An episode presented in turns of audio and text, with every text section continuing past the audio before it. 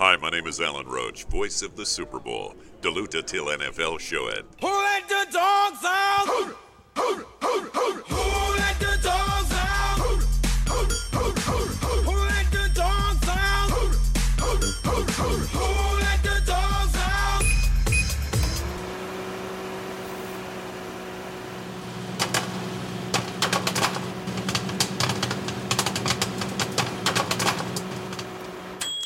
Øh, men jeg ved ikke, øh, om der løber løse hunde rundt i LA, men der er i hvert fald en flok øh, tiger, der er i fuld gang med at indtage byen. Øh, de er max klar til at give den øh, gas på søndag. Nedtællingen til Super Bowl 56 er i fuld gang. Er du også klar? Jeg glæder mig virkelig, virkelig meget. Jeg synes, det er simpelthen så fedt, at vi har fået Cincinnati Bengals i Super Bowl. Et øh, opgør mellem Rams og Bengals kan jo gå alle veje. Det kan blive super højt scorende, eller det kan blive lavt scorende. Vi kan få en offensiv MVP, vi kan få en defensiv MVP vi ved bare, at det her det er en Super Bowl med masser af profiler. Gamle stjerner, unge stjerner, og jeg glæder mig til søndag. Vi er fuldstændig klar til på søndag, og det håber vi også, at øh, du er. Du lytter til NFL-showet, der er produceret af Kvartrup Media og optaget live on tape i samarbejde med Tafel og Odset fra Danske Licensspil.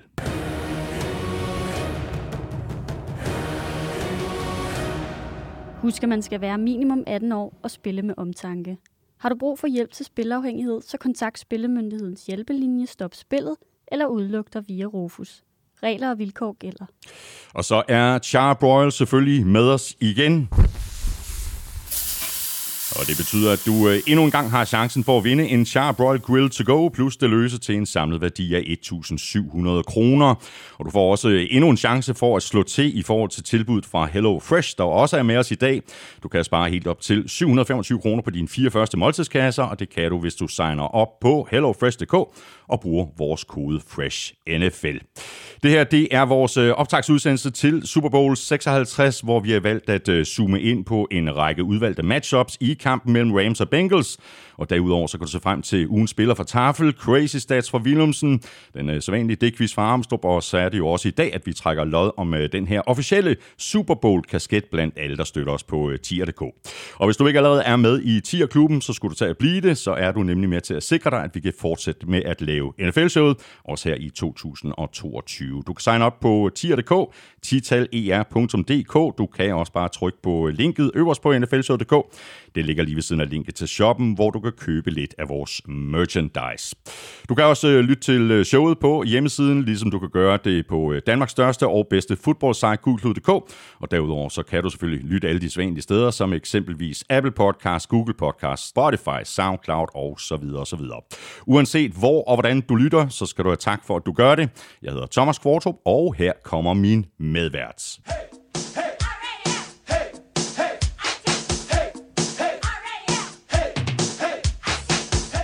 Ja, Elming, det er jo med at øh, fordele sol og vind lige.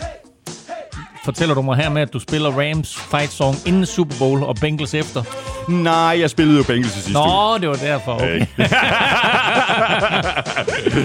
Nej, det tør jeg godt nok ikke skyde på, hvem Nej. der ender med at vinde den kamp, hva'? Det bliver en vanvittigt spændende kamp, og øh, som jeg sagde til at starte med, så kan det gå i alle retninger. Og det kan blive en angrebsspiller, der kommer til at få afgørende indflydelse, eller en forsvarsspiller, der kommer til at få afgørende indflydelse. Det vi ved, det er, at vi har spillere som Joe Burrow, vi har spillere som Aaron Donald, vi har spillere som Jamar Chase, vi har spillere som Matthew Stafford, vi har spillere som Odell Beckham Jr., vi har en safety, som kan få en stor kamp, der hedder Jesse Bates for Cincinnati Bengals. Så masser af profiler, masser at se frem til, og så selvfølgelig en Super Bowl i Los Angeles med det vildeste halftime show med masser af rapper og musikere, der til dagligt har deres studie ganske, ganske få 100 meter fra SoFi Stadium. Ja, det bliver kæmpestort. Hvordan øh, gik din øh, søndag her i søndags i øvrigt for første gang i, jeg ved ikke hvor lang tid, i flere måneder? En søndag aften uden fodbold. Jeg synes, det var så mærkeligt. Vi vender tilbage til Pro Bowl lige om lidt, men jeg vil sige det på den måde, at øh, i søndags, jeg kan ikke engang huske, hvad jeg lavede, men jeg gik i seng, og så tjekkede jeg lige Twitter, inden jeg gik i seng, og så så jeg, at AFC var kommet foran til jer. Nå, hold da kæft, ja, der er Pro Bowl. ja, det, det er så lidt, den betyder for mig. Præcis.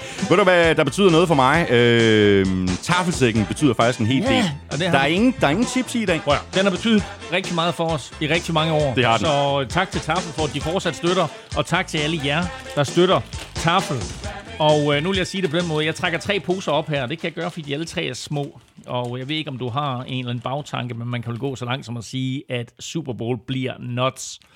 Så vi lægger ud med... Nu tager jeg dem i den rækkefølge, som jeg holder af de her poser i.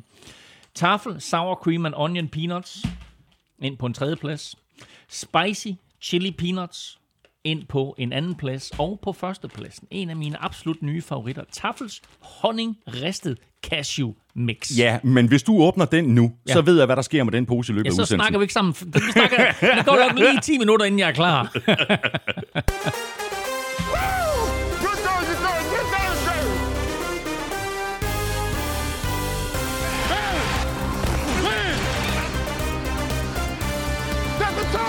Ja, tonen er i den grad sat, og det er nu, vi gør os fuldstændig klar til Super Bowl 56 på søndag mellem Rams, der er tilbage for anden gang på fire år, og Bengals, der er vendt retur til den store dans for første gang siden 88-sæsonen.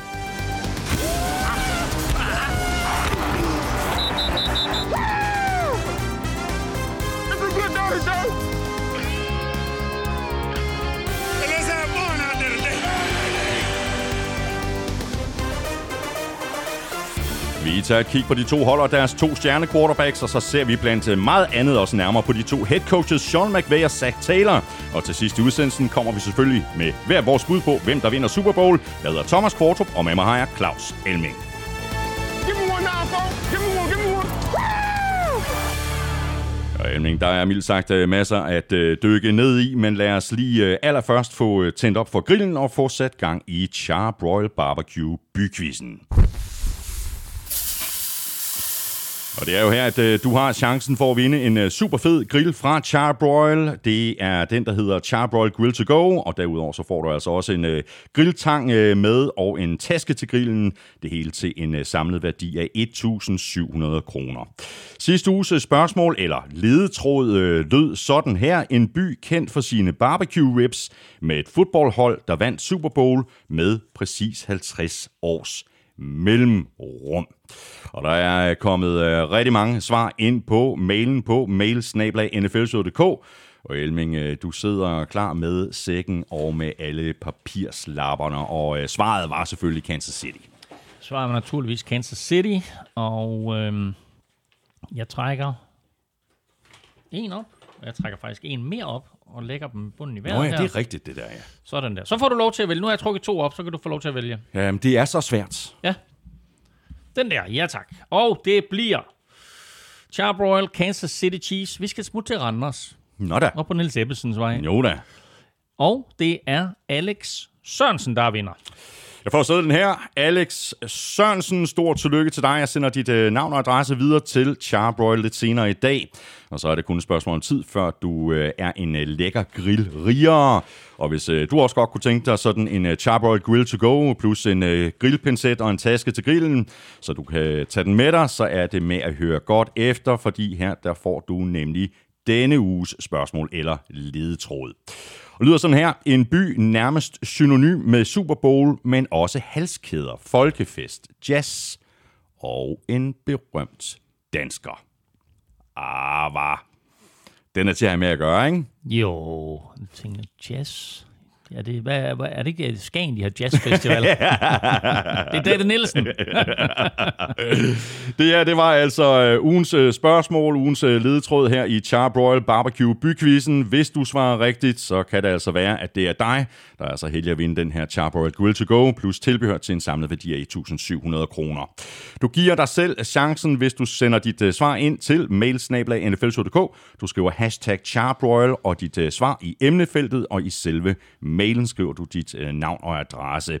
Og gør så lige øh, dig selv en tjeneste i øvrigt og følg med på vores øh, Facebook og Instagram, hvor vi øh, løbende lægger grillopskrifter op, og det kan jo ovenikøbet være, at der er en øh, lille ledetråd til ugens øh, spørgsmål gemt i øh, opskriften, hvis du er i tvivl om øh, svaret.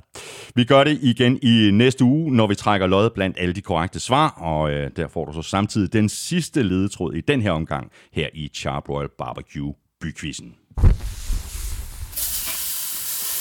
Nå Elming, nu napper vi lige lidt øh, nyheder, og øh, en af de øh, største, der har ramt øh, NFL siden vi sad her sidst, det er Brian Flores og al balladen i Miami, og faktisk resten af NFL.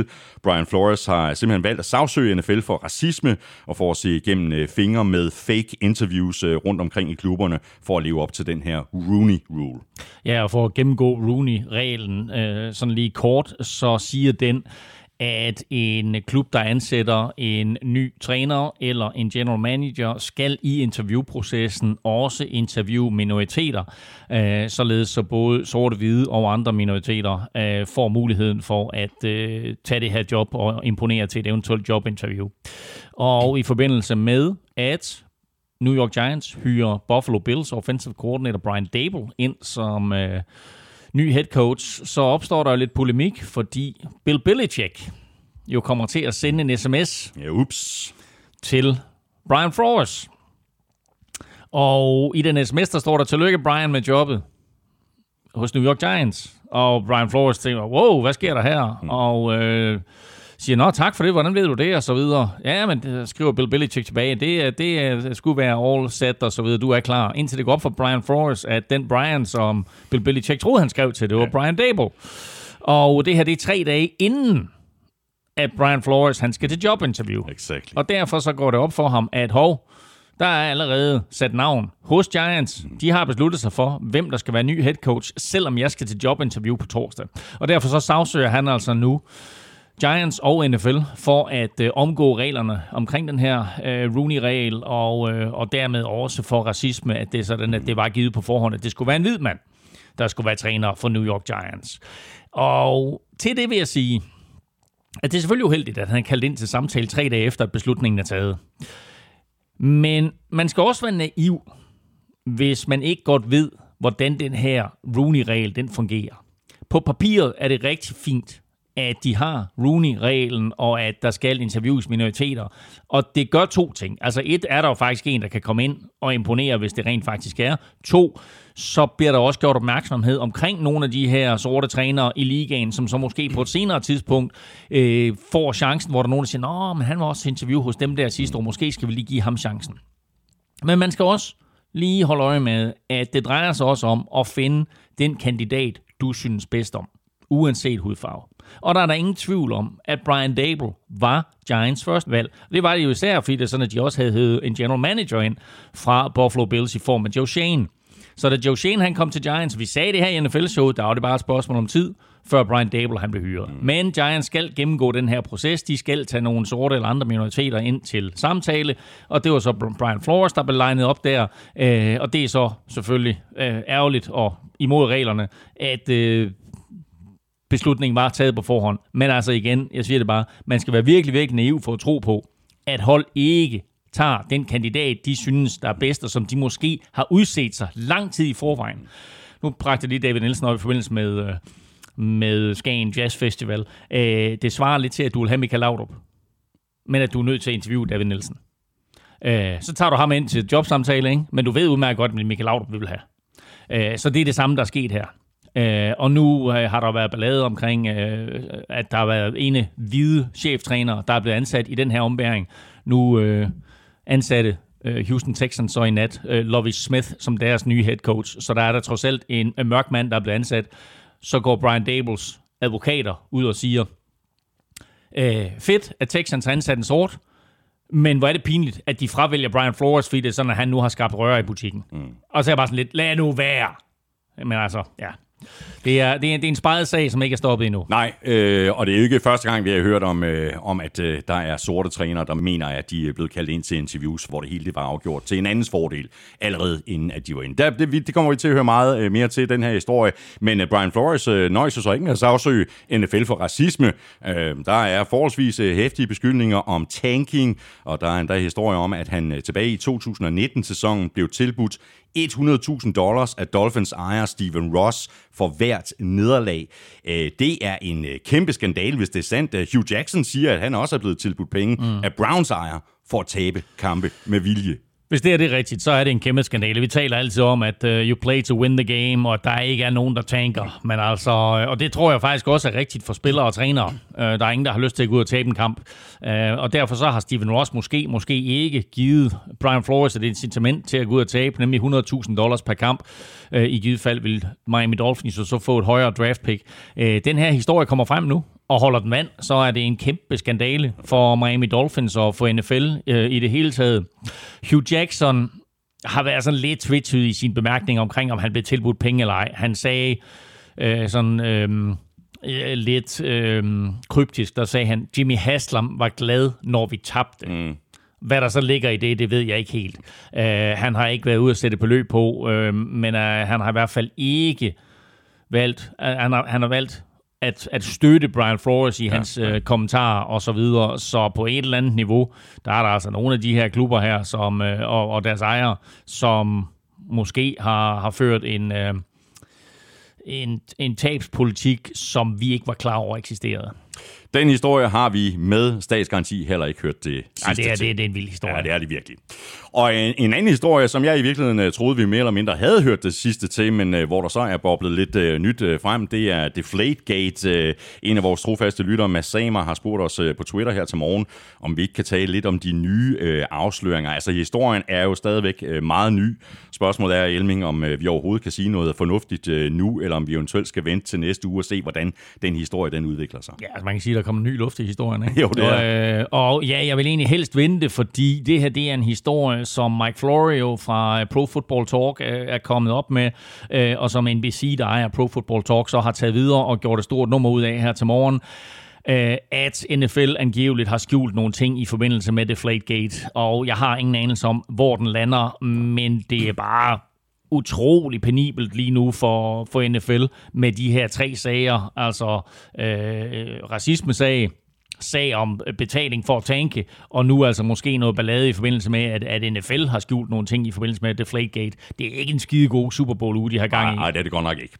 Nå, ved du hvad, Elming, lad os så bare lige øh, runde øh, lidt noget andet, øh, runde nogle af de nye head coaches, der er blevet ansat. øh, Brian Flores øh, er blevet erstattet med den nu øh, tidligere offensiv koordinator for 49ers, øh, Mike McDaniel, mm. øh, der har haft en, en stor del af, af ansvaret for 49ers løbeangreb, siden han kom til øh, klubben sammen med Kyle Shanahan. Han er altså ny head coach for øh, Miami Dolphins. Og han skal stå på egen ben nu, og Mike McDaniel er jo lidt en interessant historie, fordi han jo sådan har stået i skyggen af, af mange andre øh, koordinatorer rundt omkring i, i NFL, og også mange andre trænere i Kyle Shanahans system, men Mike McDaniel har været sammen med Carl Shanahan siden 2011. De har fulgt det ad hele vejen, altså Washington og Cleveland og øh, Falcons og selvfølgelig, og nu her sidst 49ers, og øh, nu får han altså chancen for at øh, blive head coach, så skal til Miami og, øh, og selvfølgelig have fokus på at udvide, udvikle deres løbeangreb, men selvfølgelig også at gøre Tua Tagovailoa til en, øh, en ægte NFL quarterback, så en stor opgave, øh, han har foran sig Mike McDaniel, men kæmpe navn.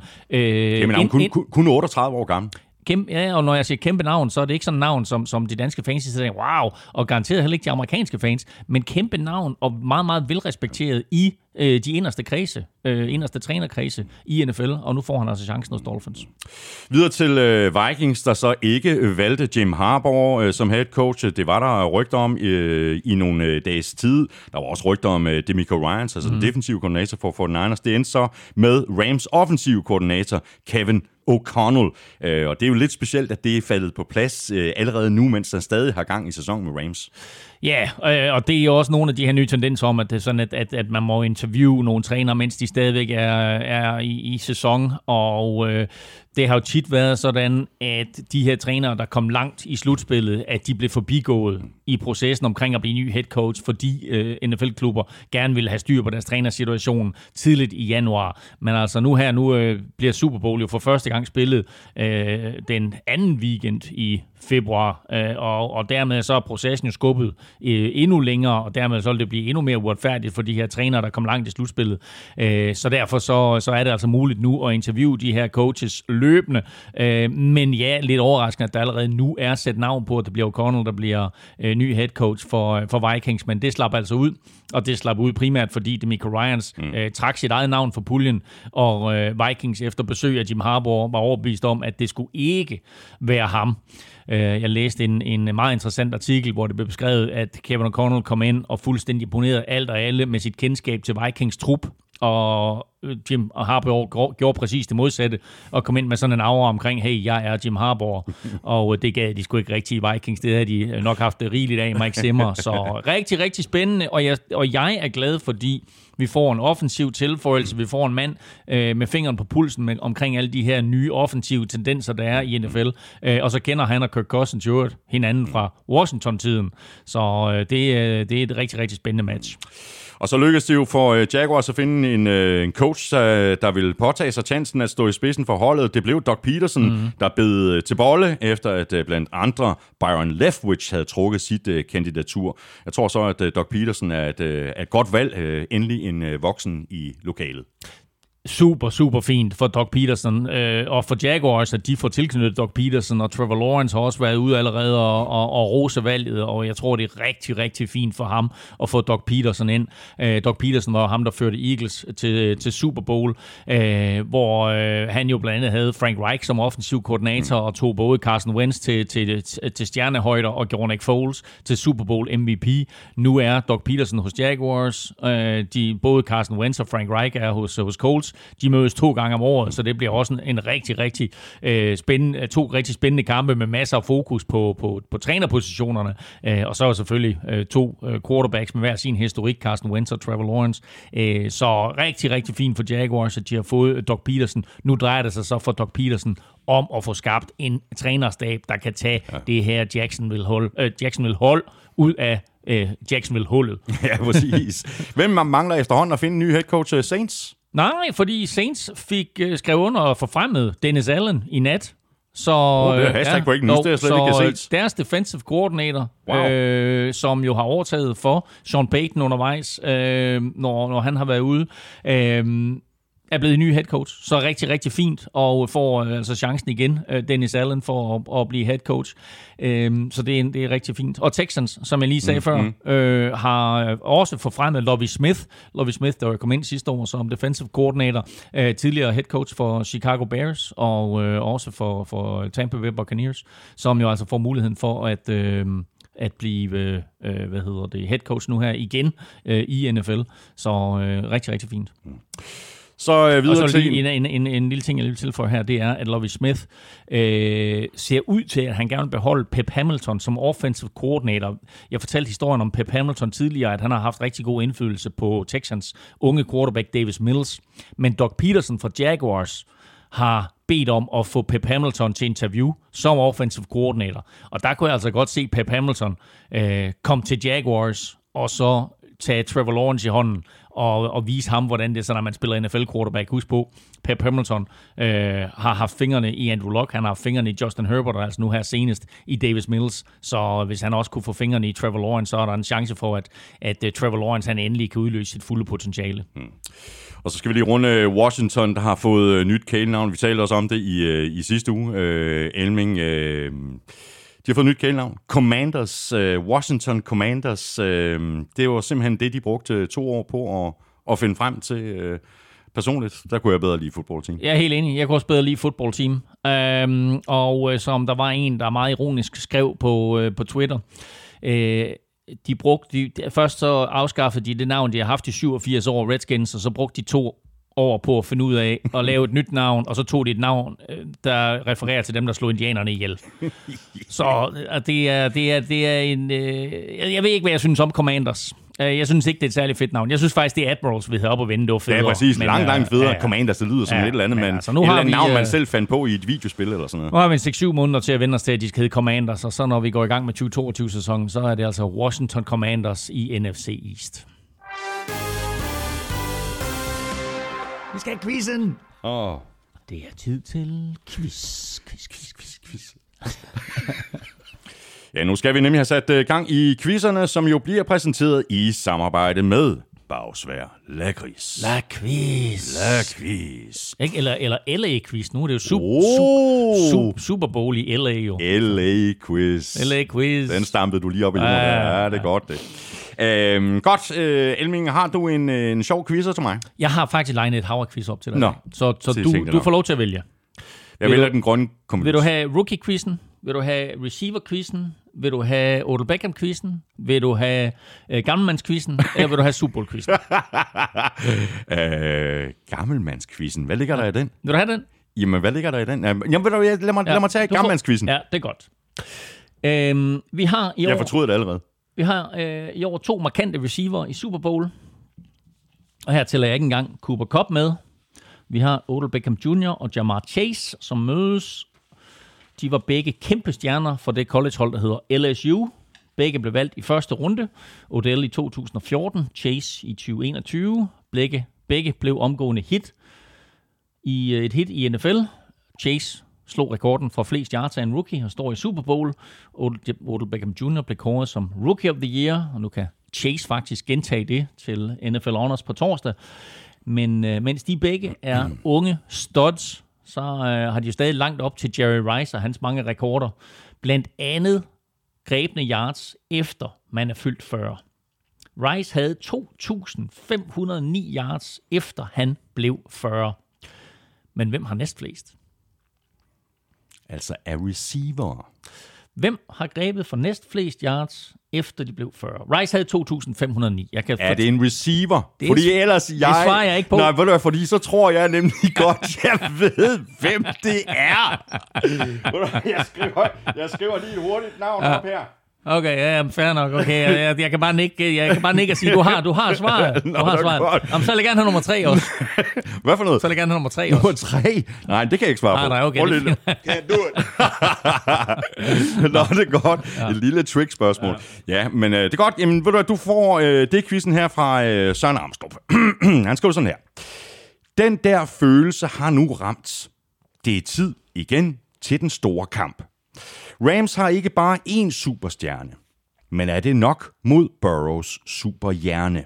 Stafford kaster, og McVay snakker, men Bengals vinder, når L. McPherson sparker. Super Bowl-menuen kan give akut savlen. Hvem af de to satte i sæsonen flest point på tavlen? Altså, Oh. hvem satte flest point på tavlen i de 17 kampe i grundspillet? Rams eller Bengals? Lad mig bare sige det sådan her. Der er stort set øh, 50% chance for, at du rammer rigtigt.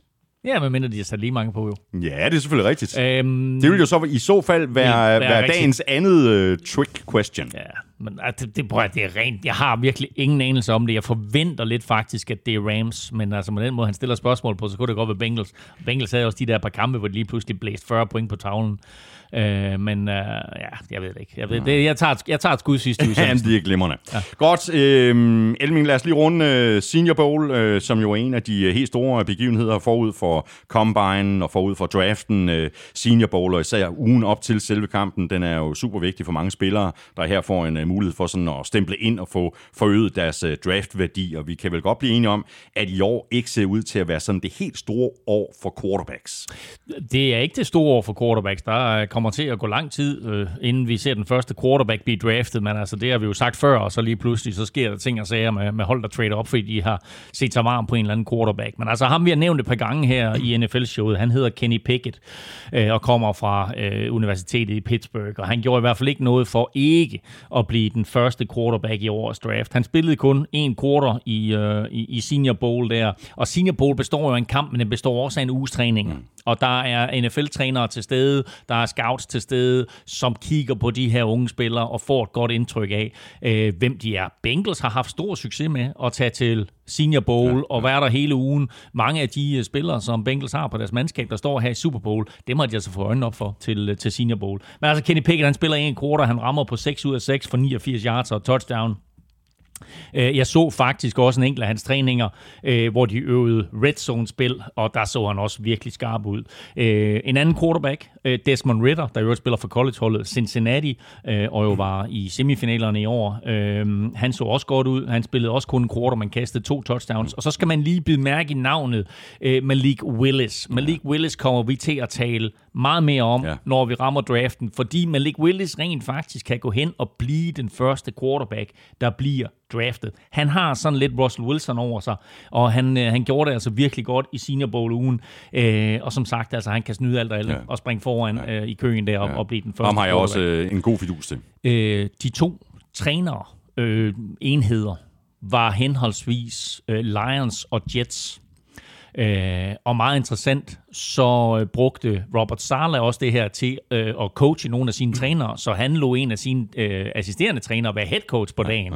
Så på den måde, der får de jo også lidt erfaring der. Men jeg synes, det er interessant med Lions, fordi Lions jo med stor sandsynlighed er ude efter en quarterback. Så nu har de altså fået mulighed for øh, at se Kenny Pickett og alle de her andre helt tæt på i en uge. Så øh, spændende at se, hvad, hvad Lions de gør, når vi rammer draften. Og hvis de her øh, unge spillere ender med at få en, øh, en lang og øh, flot øh, NFL-karriere, så kan de måske engang se frem til at spille med i en øh, Super Bowl, og måske kan de endda komme i øh, Hall of Fame. Og i forhold til øh, Hall of Fame 2022, så er det lige op over, at vi finder ud af, hvilke af finalisterne, der bliver indlemmet i Hall of Fame i Canton, Ohio, og altså får en øh, byste op af sig selv. Det plejer at være dagen øh, før Super Bowl, men i år der er det så allerede øh, på torsdag.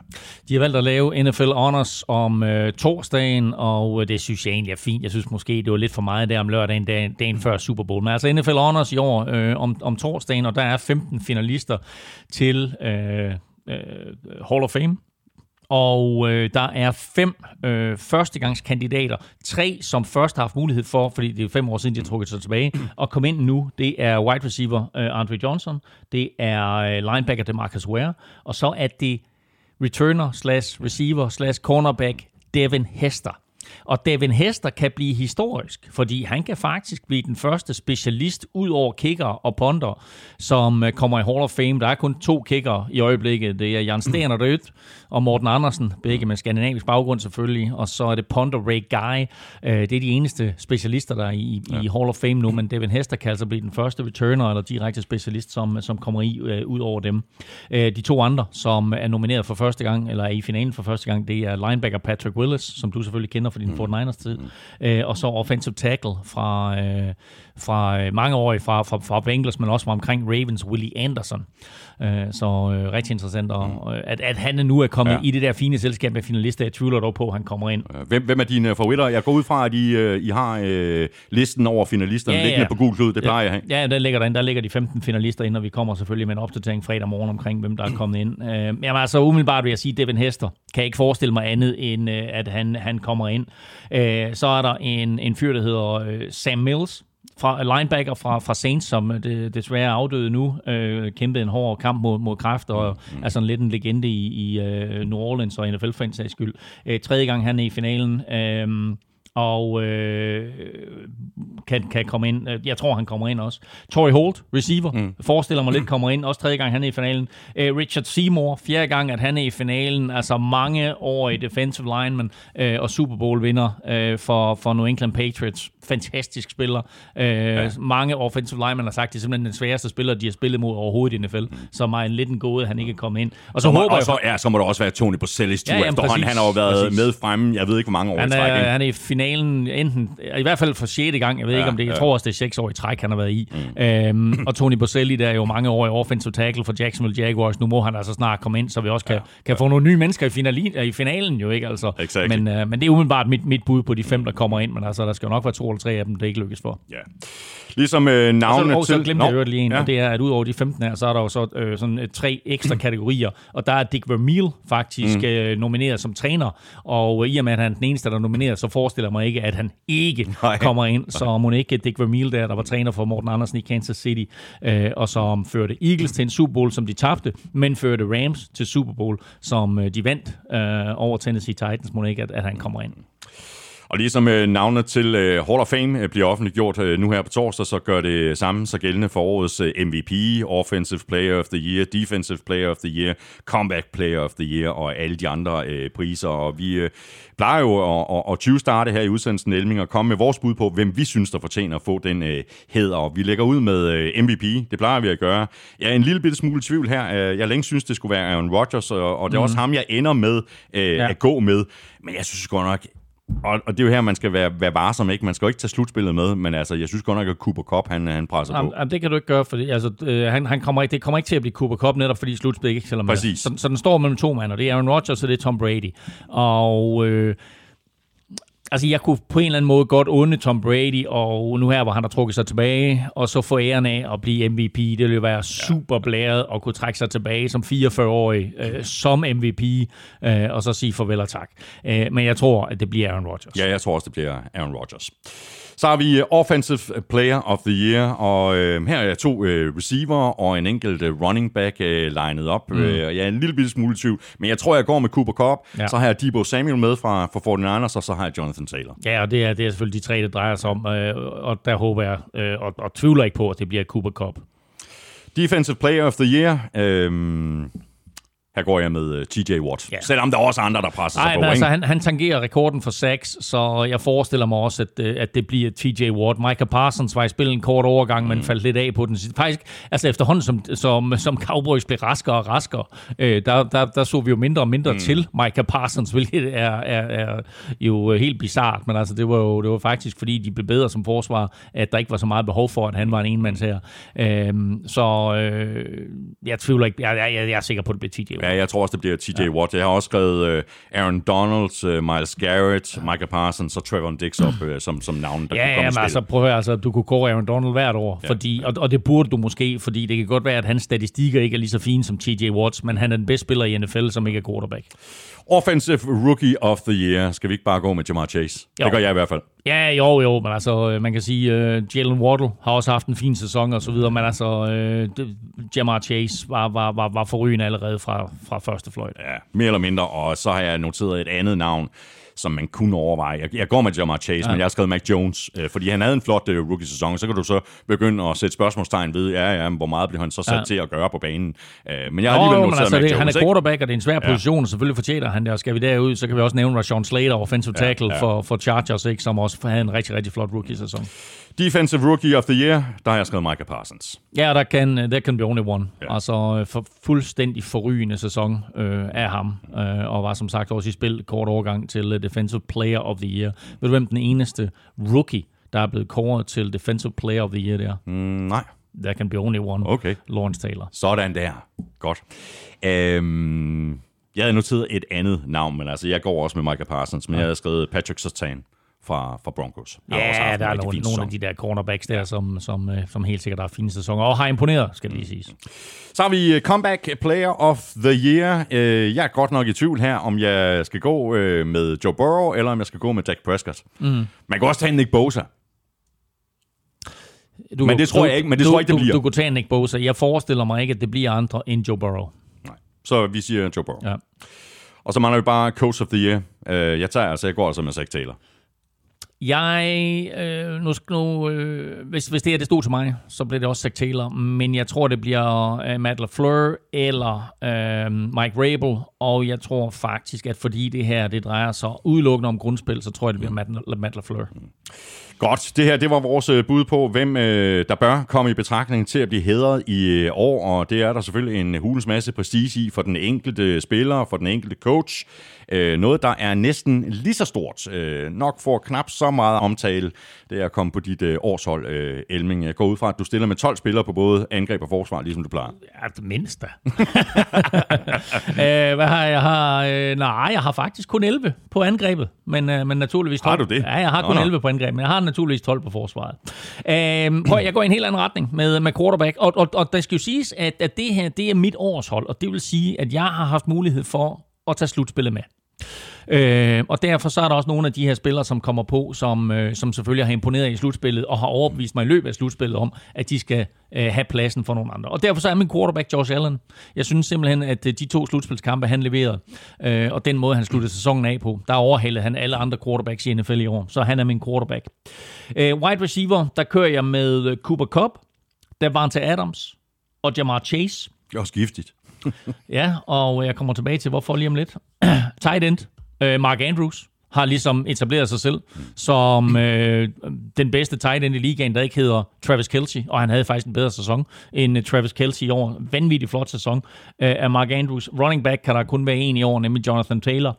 Og så har jeg ført en ny kategori ind her. Øh, ikke nogen fullback, men til gengæld en OW, altså offensive weapon, og det bliver Debo Samuel. Sådan der. Så øhm, der blev plads til ham. Min offensiv linje øh, er nogle store drenge, alle sammen. Øh, jeg går med venstre tackle Trent Williams, venstre guard Quentin Nelson fra Colts. Center bliver Ryan Jensen, øh, udelukkende på grund af det danske navn. Øh, Zach Martin fra Cowboys bliver min højre guard. Øh, og så øh, har jeg øh, højre tackle, der har jeg... Øh, nu, bliver jeg lidt i tvivl, hvorfor jeg har skrevet Ryan Ramchick der, men det har jeg altså for, for Saints. Jeg mente egentlig, jeg ville have haft en anden, men nu har jeg sat Ryan Ramchick på der. Mm. Øhm, Nu har jeg siddet og talt her med mine fingre. Det er det 12. er det? Det er da nøjagtigt 12. Nå, Okay, men det var så, okay, nå, men det, det er godt så. Ja, jamen, det plejer du også at jamen, gøre det, det gør mig også mere eksplosiv. ja, præcis. Jamen, det passer også meget godt med den nye Nå, nå, nå, kategori okay, offensive okay. weapon, ikke? godt, præcis. Nå, øh, forsvaret, der plejer jeg at gå med en 4-4-4, men jeg har valgt noget andet i år. Jeg har valgt en... Øh, 3-4-5. Nej, jeg har valgt en... Øh, ja, du kan godt kalde det 3... Hvad, hvad skal vi kalde det? Det er enten en 5-3-4 eller en 3-5-4. aktie eller andet. Men, øh, men jeg går i hvert fald med en, øh, en indre, øh, indvendig defensiv linje, som hedder Aaron Donald, Jeffrey Simmons og Chris Jones. Mm-hmm. Jeg kunne ikke vælge nogen af dem fra. Jeg ville selvfølgelig have Aaron Donald på, øh, og jeg ville også have Jeffrey Simmons på, og jeg kunne simpelthen ikke, øh, jeg kunne ikke se mig selv ikke sætte Chris Jones på. Så de tre, de bliver altså indvendig defensive line for mig. Så på defensive end, der har jeg Miles Garrett øh, og Max Crosby, som jeg synes er, er voldsomt. Øh, Altså, hvorfor, hvor, det vil sige, du har ham, du har Max Crosby over Nick Bosa, der har flere takninger og flere sacks. Ja, ja. Ja, jeg synes, Mac Crosby spillede en fuldstændig forrygende Det gjorde han sæson. også. Det gjorde han også. Så Vanvittig der, der er ikke blevet plads til Nick Bosa. Øh, til gengæld så øh, vil jeg sige, at øh, vi, det vil sige, at vi kan rushe indvendigt fra, vi kan rushe lige på ydersiden af de indvendige, så på ydersiden af de, af de, af de yderste der, der har vi så TJ Watt øh, på, på den ene outside linebacker der, og så har vi så Darius Leonard på, øh, eller på outside linebacker har vi TJ Watt, og så på inside linebacker, der har jeg Darius Leonard. Og så har jeg jo lavet det, fordi vi har et OW, så har jeg lavet en DW også, Stærkt. defensive weapon, og det er så Micah Parsons. Lækkerier. Ja, og så øh, har jeg på øh, cornerback Jalen Ramsey, han giver sig selv, og så var jeg meget i tvivl om min anden, quarter, øh, min anden cornerback øh, skulle være, og øh, der valgte jeg simpelthen Trevor Diggs, mm. og det gjorde jeg på trods af, at han opgiver flere yards end nogen anden øh, cornerback i NFL, men når du laver 11 interceptions, så er der bare et eller andet over det. Det kan altså være med til at vende og vinde kampe, så han får den anden cornerback-position. Og så på safety, der vælger jeg Jordan Poyer fra Buffalo Bills, og så Jesse Bates fra øh, Cincinnati Bengals. Det var øh, angrebet, Ja. det var øh, forsvaret, så mangler vi bare øh, special teams. Ja, og øh, jeg havde flere inde at vinde på den der kickerposition. Justin Tucker havde jeg inde at vinde. Jeg havde oprindeligt valgt Daniel Carlson til mit hold her, men jeg går simpelthen med øh, Evan McFearless øh, fra Cincinnati Bengals på baggrund af hans øh, slutspil. Min punter, det bliver AJ Cole fra øh, Raiders. Min øh, punt returner bliver Devin Duvernay fra Ravens. Min kick returner bliver Keen Engwangu fra Minnesota Vikings. Og så bliver min special teams, øh, altså min special teamer, bliver JT Gray fra øh, New Orleans Saints, der havde flere taklinger end nogen anden spiller på, på special teams i år. Det øh, tror jeg muligvis er det stærkeste årshold, du nogensinde har legnet op, øh, Elming. Det er ekstremt stærkt. Hvis vi får lov til at stille op med 12 mand på hver side af banen, så, så, så tror jeg... Det får de andre det svært. Godt, øh, Elming, øh, vi skal snart øh, frem til øh, ugens spillere. Vi kan lige runde øh, Pro Bowl, øh, som du også nævnte i begyndelsen af udsendelsen. Den blev spillet i Jeg vil, søndags. lige, jeg vil øh, lige sige, at jeg har faktisk også lavet nogle awards, og bare lige gennemgå dem hurtigt. Ja. Offensive Player of the Year, Debo Samuel. Defensive Player of the Year, TJ Watt. Offensive Rookie, Jamar Chase. Defensive Rookie, Micah Parsons. Comeback Player, Joe Burrow. Coach of the Year, Zach Taylor, mm. når jeg får lov til at tage slutspillet med i betragtning. Mm, mm. Og MVP, Cooper Cup, når jeg får lov til at tage slutspillet med i betragtning. Sådan der. Godt, i forhold til uh, Pro Bowl, uh, så gider vi selvfølgelig ikke uh, taske langhalm på den uh, kamp, men vi kan da notere, at AFC vandt for, hvad var det, femte gang træk? Ja, ja, og det er heldigt for, for de andre klubber, at uh, Justin Herbert og Mark Andrews, de ikke spiller på hold sammen, fordi uh, Herbert kastede to touchdowns til Mark Andrews, og så vandt uh, AFC 41-35 uh, i en fuldstændig ligegyldig kamp, der var decideret pinlig og uden taklinger, og jeg så, at flere NFL-KF'er har været ude og fuld, fuldstændig. Hvis der er et ord, der hedder skamrose, så må der også være et ord, der hedder skamsvine, fordi det var det, de gjorde ja. over for det, vi så i Pro Bowl her. Det var decideret pinligt. Jeg synes, dagene op til Pro Bowl bød på meget mere sjov og lir og spas. Der var forskellige konkurrencer, bedste catch Præcis. og bedste interception. Det giver masser af mening. De spillede endda høvdingebold Ja, mod ja, hinanden og ja. så videre. Og der var også en konkurrence omkring at blive NFL's hurtigste mand. Så du, hvem der vandt? Nej, det gjorde jeg faktisk ikke.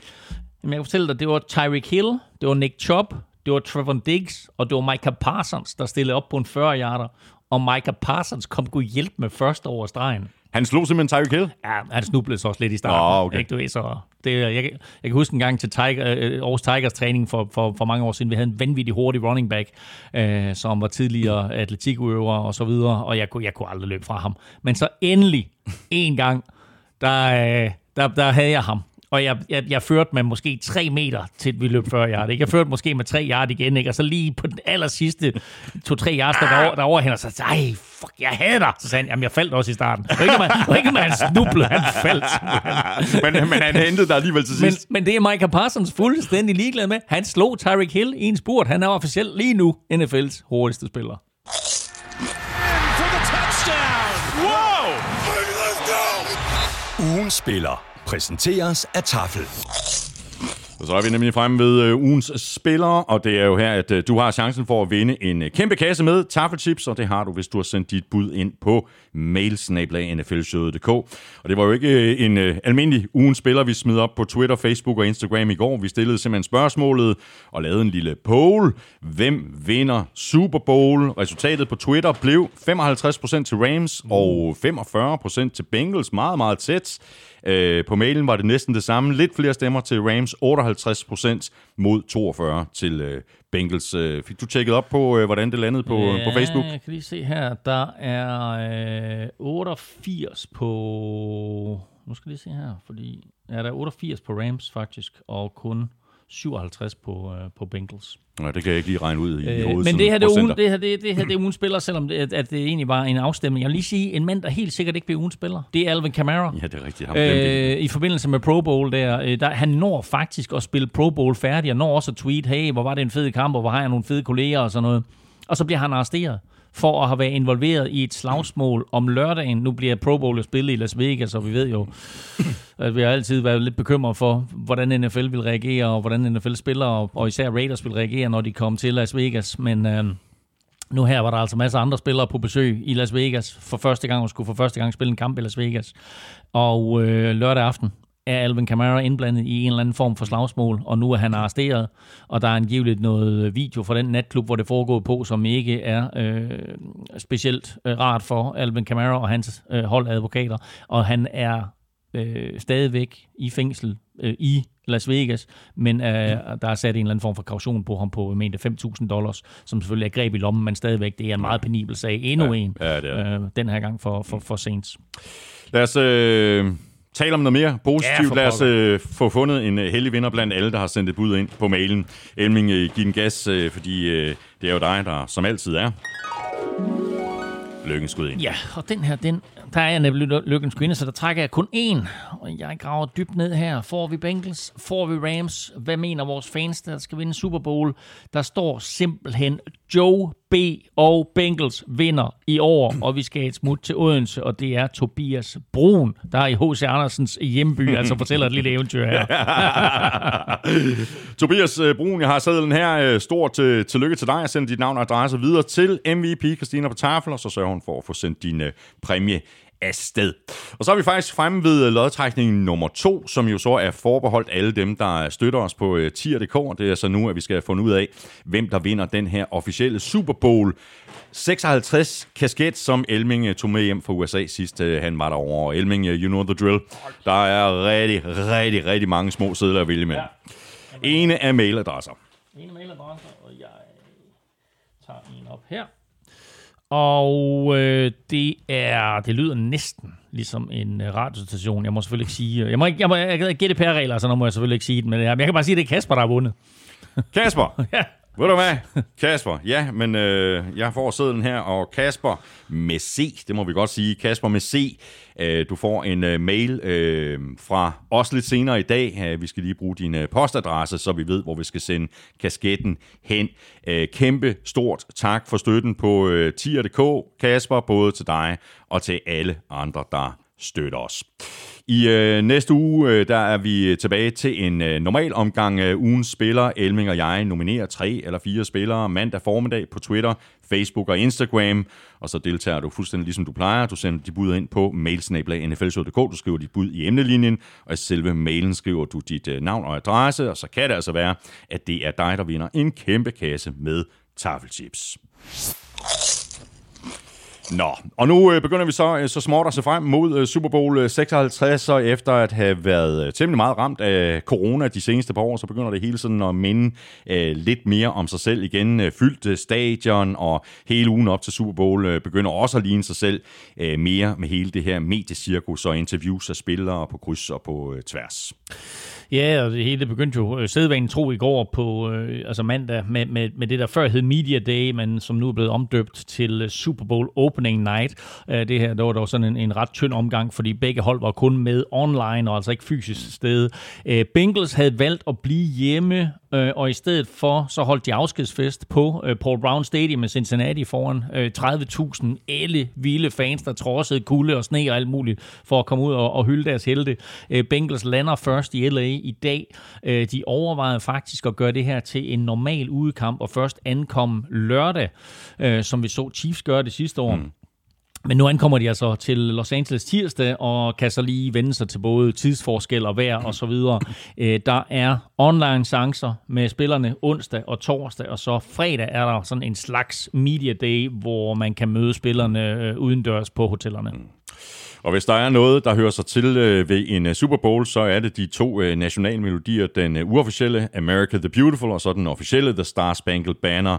Og de bliver leveret i øh, henholdsvis øh, optagsshowet og øh, umiddelbart før kampstart. Og hvis man godt kan lide øh, jagerfly, øh, der flyver i formation, så tror jeg faktisk også, at øh, det amerikanske luftvåben endnu en gang er leveringsdygtig i øh, den disciplin. Ja, det bliver jo primært for tv-seerne, øh, og så kan, kan folk selvfølgelig inde på stadion sidde og følge med på storskærmen, men altså SoFi Stadium har jo tag på, så øh, det her det bliver en, øh, en, en helt speciel og historisk øh, flyover, fordi det amerikanske luftvåben har besluttet sig for øh, inden kampen at komme med information med fem sådan vidt forskellige fly af ældre dato, mm. øh, gående helt tilbage til en øh, P-51 Mustang fra 2. verdenskrig, og så til nyere modeller som øh, F-16 og øh, F-35. Stærkt. Øh, og så lige sige med hensyn til nationalmelodierne.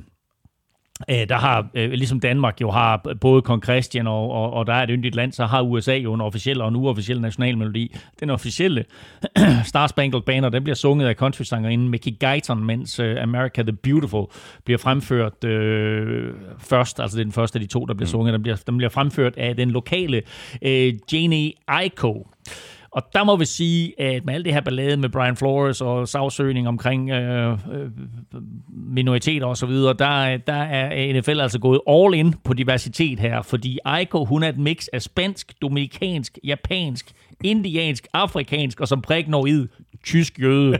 Så, så, så, så, så, er de i hvert fald dæk, så er de dækket ind. Godt, nu hopper vi i, øh, i de her udvalgte matchups, øh, hvor vi sådan øh, vil forsøge at pejle os øh, lidt ind på, øh, hvad der kan ende med at blive udslagsgivende her i Super Bowl 56. Lad os bare lægge ud med øh, et ikke direkte matchup, men alligevel altså de to holds øh, quarterbacks, øh, den rutinerede Matthew Stafford overfor andet årsspilleren Joe Burrow. Ingen af dem har stået i den her Nej, situation før. Men altså, prøv, jamen, altså, de er jo begge to debutanter. Man kan sige, de har jo taget hver deres forskellige måde og forskellige tid om at, at nå hertil. Øh, efter 12 ufrugtbare år i, i Detroit, så står Matthew Stafford her endelig øh, med sit andet hold, jo ikke engang 12 måneder efter han blev traded. Øh, Joe Burrow var udråbt som Messias i Cincy, og på trods af en alvorlig knæskade, så har han jo allerede levet op til det. Han er i sit blot andet år, øh, og generelt er både spillere og træner og eksperter rundt om i ligaen jo vanvittigt imponeret over ham. Øh, Burrow spiller faktisk nok på et højere niveau øh, lige nu, sådan overordnet set, end, øh, end, end Stafford, men øh, som Vikings-fan, så ved jeg, at Matthew Stafford at med, med ham der er det bare aldrig slut. Ikke slut, før Grete hun synker. øh, han har 36 comebacks i fjerde kvartal i sin karriere, inklusiv to i slutspillet i år. Det er femte flest af alle quarterbacks i NFL-historien. Øh, to ting har Burrow og Stafford til fælles. De er begge super skarpe imod blitz, så det skal de to forsvar nok holde sig fra. Bengals faktisk det hold ligaen, der blitzer allerfærrest gange, øh, mens Rams er det hold i ligaen, der blitzer 9. flest gange, så Rams skal måske skære en lille bit smule øh, ned på det. Og så er de jo begge to draftet nummer 1 overall, men med 11 års mellemrum. Stafford i 2009, Burrow i 2020. Nu mødes de i Super Bowl i en by, der ikke engang havde et NFL-hold, da Stafford han kom ind i ligaen. Nej, præcis. Og lad os så tage det sådan lidt øh, ovenfra og vurdere holdene generelt, øh, hvad der kendetegner dem, og hvad har bragt dem til Super Bowl. Øh, som altid så er der jo kæmpe fokus på øh, angrebene. Man må jo ikke overse de to forsvar. Nej, overhovedet ikke, og man kommer ikke til Super Bowl øh, uden et forsvar, og det er to rigtig, rigtig gode forsvar, vi ser her. og selvom der selvfølgelig er fokus på de to holds angreb og angrebsstjernerne, så er det jo med stor sandsynlighed et af de her to forsvar, der kommer til at afgøre kampen. Og øh, der er jo et par kæmpe store forsvarsstjerner øh, på de her to hold. Rams har jo nok de tre største med Aaron Donald, Jalen Ramsey og, øh, og, og Von Miller, tidligere Super Bowl MVP Von Miller jo, øh, mens Bengals stjerner inkluderer øh, Trey Hendrickson og, og Jesse Bates, øh, men det er jo ikke nogen, der skræmmer på samme måde som Ramses trio. Nej. Hvad bliver det så for en kamp, Elming? Altså, hvis vi skal vende nogle øh, overordnede ting ud, øh, hvad bliver så afgørende? Uh, altså, jeg synes jo fra Bengals synspunkt, så er det helt afgørende, at de kan beskytte øh, Joe Burrow, øh, og, og for ham personligt jo, at, at han kan levere med Aaron Donald eller andre øh, hængende om livet. Øh, jeg kan også godt se Bengals løbeangreb og Joe Mixon få en større rolle, end de fleste tiltænker dem. Øh, Rams skal selvfølgelig undgå, at øh, Stafford kaster total interceptions, og så øh, skal de på en eller anden måde jo selvfølgelig have gang i både Cooper Cup og Odell Beckham Jr. med flere, og det er klart, at det er noget, som Bengals også er nødt til at have fokus på at stoppe. Og vi dykker selvfølgelig øh, lidt mere ned i materien i forhold til øh, de her ting, de, i forhold til de her matchups øh, lige om et ganske kort øjeblik. Øh, vi har de to øh, head coaches, Sean McVay, øh, der står i, i sin øh, anden øh, Super Bowl som head coach, og så Zach Taylor, som øh, vi jo har dømt ude flere gange undervejs, men som altså nu står i sin første Super Bowl. Øh, og det kan vel godt øh, få øh, betydning også her, at, øh, at den øverste coach har stået i situationen før, måske kan trække lidt på de erfaringer, han fik for tre år siden mod Patriots. Øh, hvordan ser du de to øh, head coaches, deres øh, styrker og svagheder? Ja, man skal jo lige lægge mærke til, at Zach Taylor jo også stod der for tre år siden. Husk på, at han jo er en Sean McVay-disciple og møder sin gamle mentor på søndag i Super Bowl 53, hvor Rams tabte til Patriots. Der var Zach Taylor jo quarterbacks coach for Rams, men øh, og man, man kan sige det på den måde, at især den sæson, som Rams havde der, øh, og det, som Zach Taylor fik ud af Jared Goff det år, øh, det gjorde jo, at han blev head coach for, for Cincinnati. Øh, McVay og Taylor selvfølgelig begge to med baggrund i, i angrebet og har deres styrker i angrebet. Øh, McVay er jo godt i gang med at bygge sit helt eget lille øh, trænertræ i NFL. Øh, Zach Taylor er kommet til Cincy, Matt LaFleur er i Packers, Brandon Staley i Chargers, og altså som vi nævnte tidligere, Kevin O'Connell skal til Minnesota. Øh, men jeg tror helt ærligt, at øh, Zach Taylor måske har en lille fordel her, fordi hvis man ser på, hvordan et, et, et, et, et hold fungerer, så var Sean McVay head coach, og han var ikke kun træner for spillerne, han var også træner for de andre trænere. Mm. Så på den måde tror jeg egentlig, at Zach Taylor ved mere om, hvordan Sean McVay tænker, end omvendt. Uh, Zach Taylor kender jo så faktisk også flere af Rams-spillerne fra sin tid uh, med Rams uh, langt bedre end, end Sean McVay for eksempel kender, kender Bengals-spillerne. Uh, en lille sidehistorie her øh, som du måske kan genkende til. Øh, da 49ers og Bengals mødtes i Super Bowl 23, altså sidste gang Bengals var i en Super Bowl. Mm. Øh, kan du huske, hvem der var head coaches? Det kan jeg faktisk ikke. Du kan selvfølgelig, du kan selvfølgelig 49ers. Bum bum, øh, Bill Walsh. Det var Bill Walsh. Og, men, Beng- men, og Beng- Bengals head coach. Ja, det var Sam White. Øh, og grunden til, at jeg bringer det op, nej, men grunden til, at jeg bringer det op, det er, fordi Sam White var passing game coordinator for 49ers da de stod i deres første Super Bowl. Ah. øh, som i øvrigt også var imod Bengals. Sam White blev så head coach for Bengals, og det vil sige, at det var lærlingen, der mødte mentoren i Super Bowl 23, da Bengals stod der sidst. Det lignede længe en sejr til Bengals, men uh, Joe Montana ville det selvfølgelig anderledes med sit kast der med 36 sekunder igen til John Taylor, uh, og så vandt mentoren. Nu står Bengals der igen med en head coach, der har stået i lære hos modstanderen, uh, og så kan man så håbe for Bengals fans, at øh, det går anderledes den her gang. Så har vi de øh, to øh, defensive koordinatorer. Rams øh, defensiv koordinator øh, Ray Morris, han kaldte et, øh, et brag af en kamp i øh, konferencefinalen mod 49ers. Og over på den anden sidelinje, der har vi så Bengals defensiv koordinator Lou Anna Rumo. Øh, måske lidt mindre kendt end sin øh, modpart. Øh, hvad er de hver især gode til, og hvilke svagheder har de? Hvis de har nogle svagheder. Jamen altså, begge hold har rigtig solide defensive coordinators. Eh, Luana Rumo for Bengals, som vi roste i sidste uge for hans indsats mod Chiefs, og så altså Raheem Morris for Rams, der er en af de mest komplette trænere overhovedet øh, i NFL. Uh, eh, Anna Rumo er nok uh, det mere ubeskrevne blad, men uh, har været med Bengals i hele Zach Taylor-æraen, og uh, hatten af for den måde, han har bygget uh, det her hold på. Øh, Taylor har, to, har troet på, øh, på projektet, og, og uantastet hvad diverse medier og fans har ment om, øh, ment om ham, øh, og hans øh, tilgang til holdet, så har han holdt fast i øh, truppen, og også i det meste af sin stab hele vejen igennem. Det er selvfølgelig også en del nemmere, når man taber 12 eller 14 kampe om året, men øh, i Anarumo, der har Taylor altså den, den perfekte defensive coordinator. Øh, han har en baggrund som øh, defensive backs, træner altså cornerbacks og safeties, og øh, det er jo helt perfekt til det moderne NFL, hvor meget jo selvfølgelig går ud på at stoppe modstandernes kast. Øh, han har et par dygtige spillere nede bagved, men han har altså også formået at, at, at gøre dem til en rigtig, rigtig god duo. Altså Jesse Bates og Von Bell er jo måske den bedste safety duo overhovedet øh, i NFL.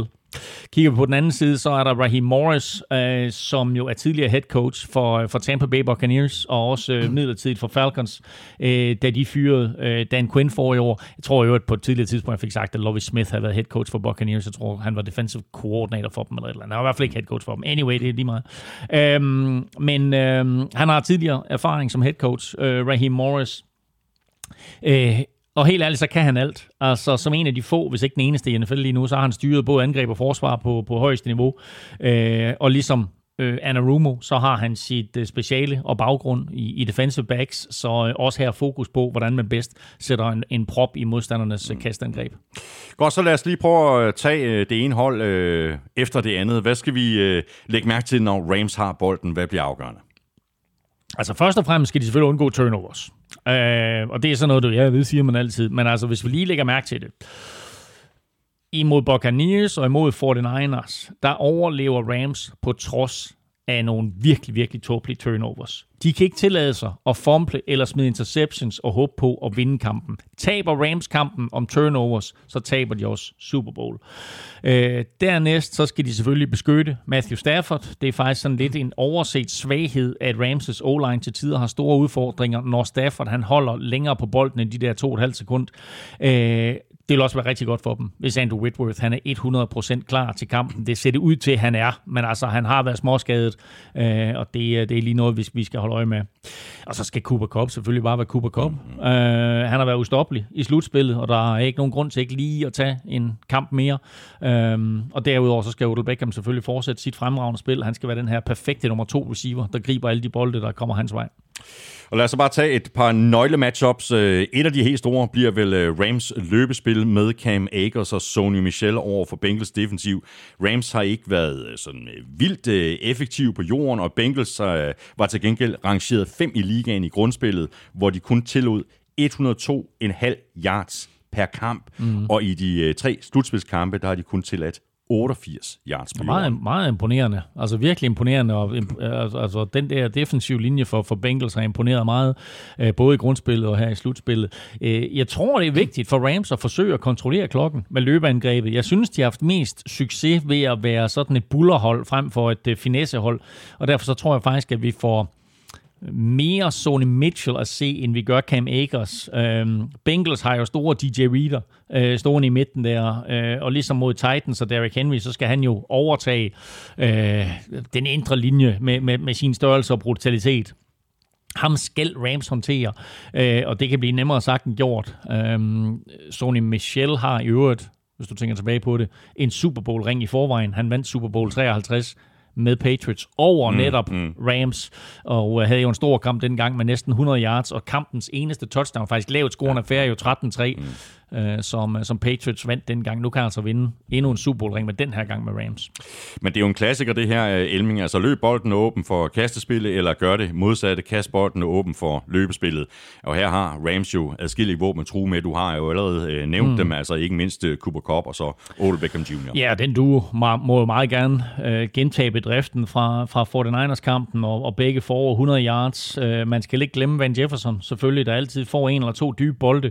Det er stadig meget tvivlsomt, om Tyler Higby, tight enden, han bliver klar. Øh, han fik en knæskade der i NFC-finalen mod 49ers, og jeg tjekkede Ramses træningsrapport i går, og der havde han ikke deltaget i en træning endnu i den, i den forgangne halvanden uge. Øh, Kendall Blanton er next man op på tight end, og selvom han greb fem bolde i NFC-finalen, så er det bare ikke det samme våben som Higby, øh, så en klar forringelse af, af, af Ramses angreb på den front.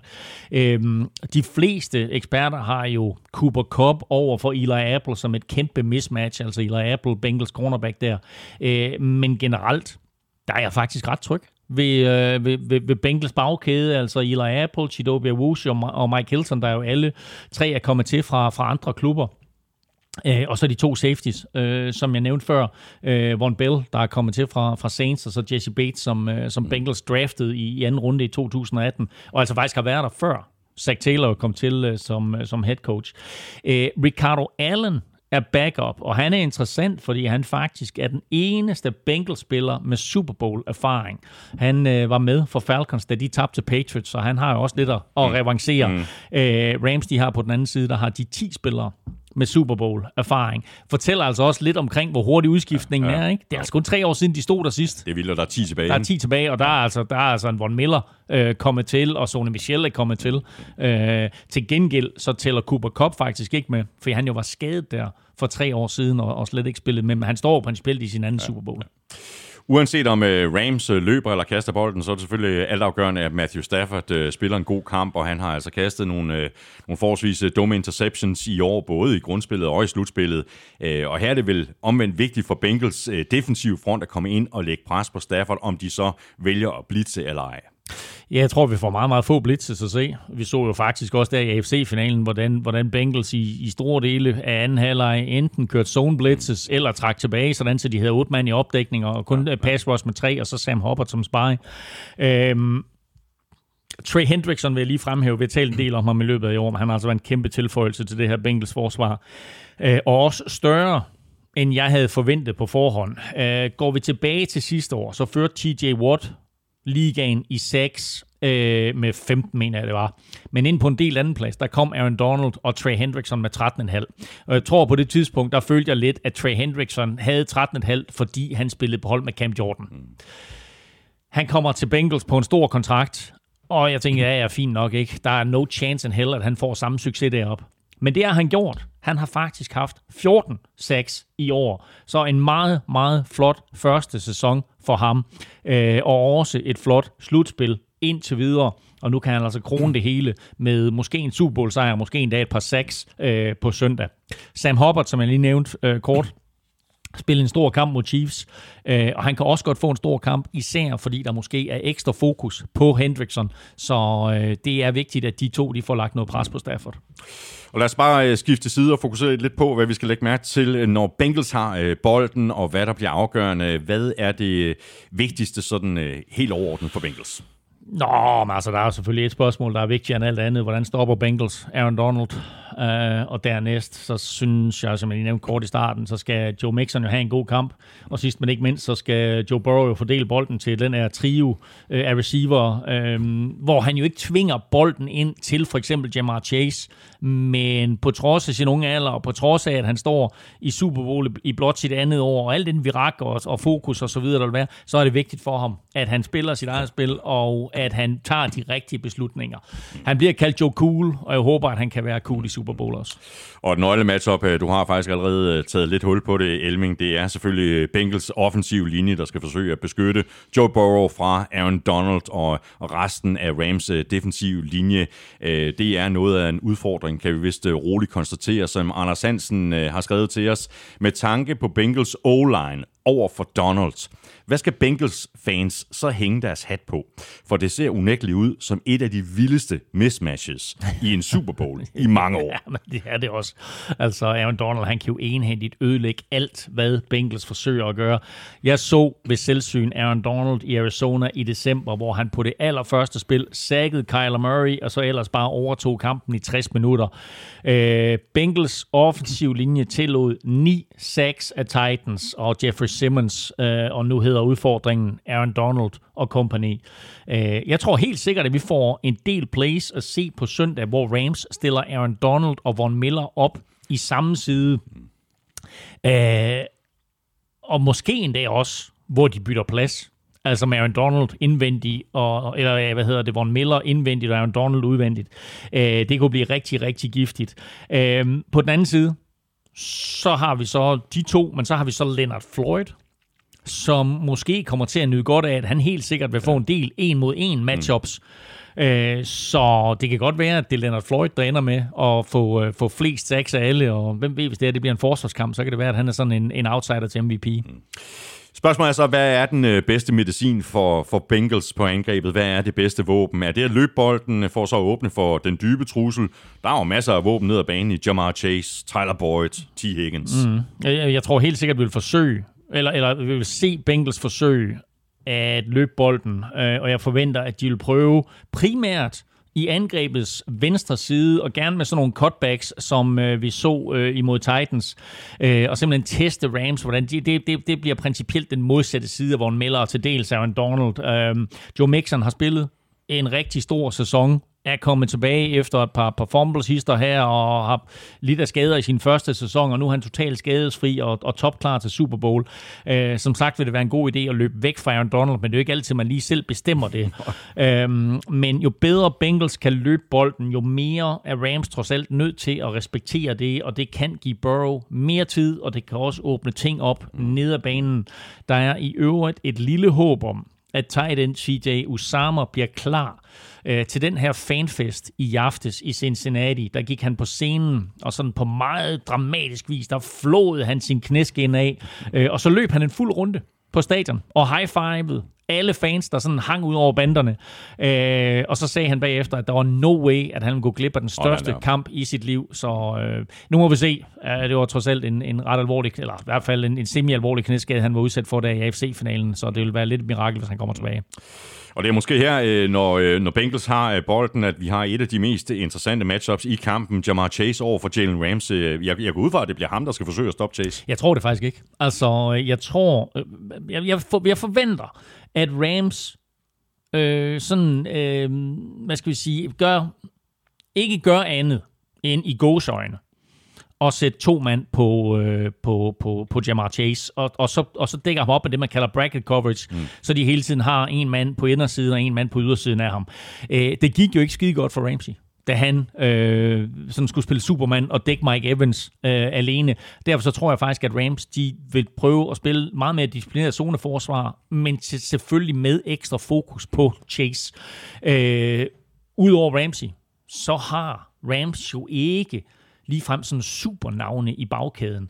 Altså selvfølgelig er der Eric Weddle, som jo er, er kommet ud af pension og, og jo ligner sit gamle jeg.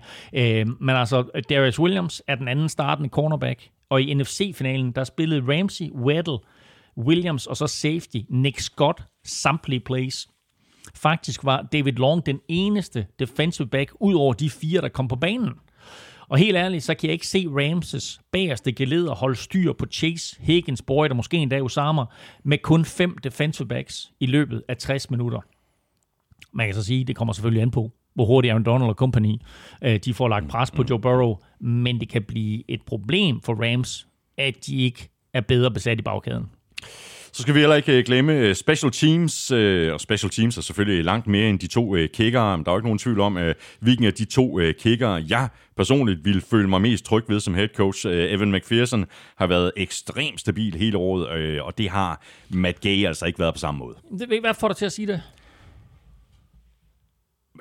Simpelthen, Evan McPherson øh, sætter jo alt. Ja. Altså, Men- og, og, men- og nærmest uanset distance, ikke? Jo, men grunden til, at jeg siger det på den måde, det er fordi, jeg tror egentlig, at det er den generelle holdning, at McPherson er bedre end Matt Gay. Men altså, Matt Gay har brændt to field goals hele året, og et ekstra point. Han er 32 ud af 34 på field goals, og 48 af 49 på ekstra point. Jeg har for, engang- for i alt 144 Ja. point. Tredje flest af alle. Det er også crazy. Jeg har slet ikke, øh, jeg har slet ikke det læst jeg, de her det- det statistikker. ved jeg godt, det er men- simpelthen bare min oplevelse af de to det over er for det, jeg hinanden. siger. Jeg tror, at det er den generelle oplevelse. For lige at sammenligne. McPherson har brændt fem field goals og to ekstra point. Wow. Han, han er 28 af 33 på field goals og 46-48 på ekstra point for 130 point. Matt Gay blev valgt til Pro Bowl. Det gjorde McPherson ikke. De er så i øvrigt begge to draftet. Øhm, og jeg lavede sådan en oversigt Mhm.